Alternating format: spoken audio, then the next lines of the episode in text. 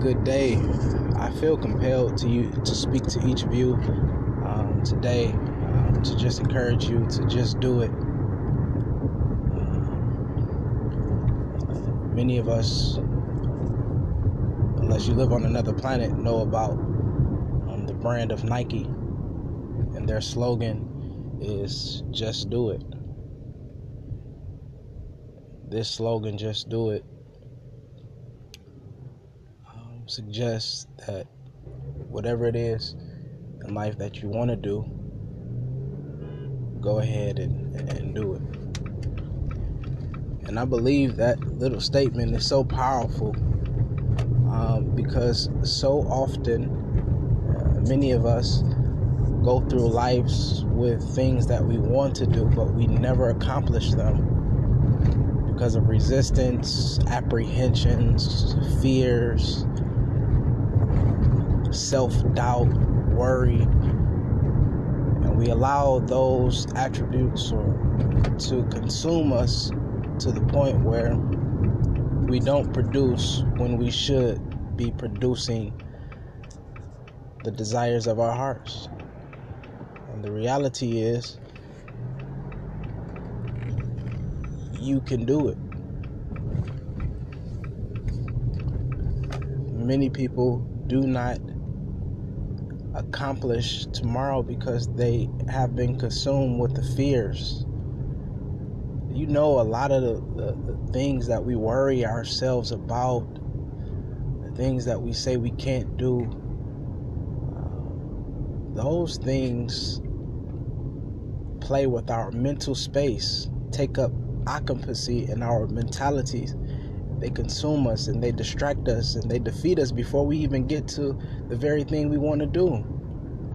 It's something that you really want to do, but you have already already mentally defeated yourself because you have already thought about and calculated things that could go wrong. Am I good enough? Can I actually achieve this? Can I be the one that gets this big task done? I'm bold enough to say you are big enough to do it because if you can conceive it, it's a good chance that you can accomplish it and do it. But you can't stay in procrastination. You can't meander in mediocrity. You have to uh, put your best foot forward stay disciplined, stay focused, and get the job done. I don't know who I'm talking to, but I pray that this um, small message encourages you to just do it. Be like Nike. Take a page out of Nike's book and just do it. It may seem difficult, may seem big, and I'm not telling you it's going to be an easy going route. I'm not going. I'm not telling you that it's it, it won't come with obstacles. But what I am saying is satisfying.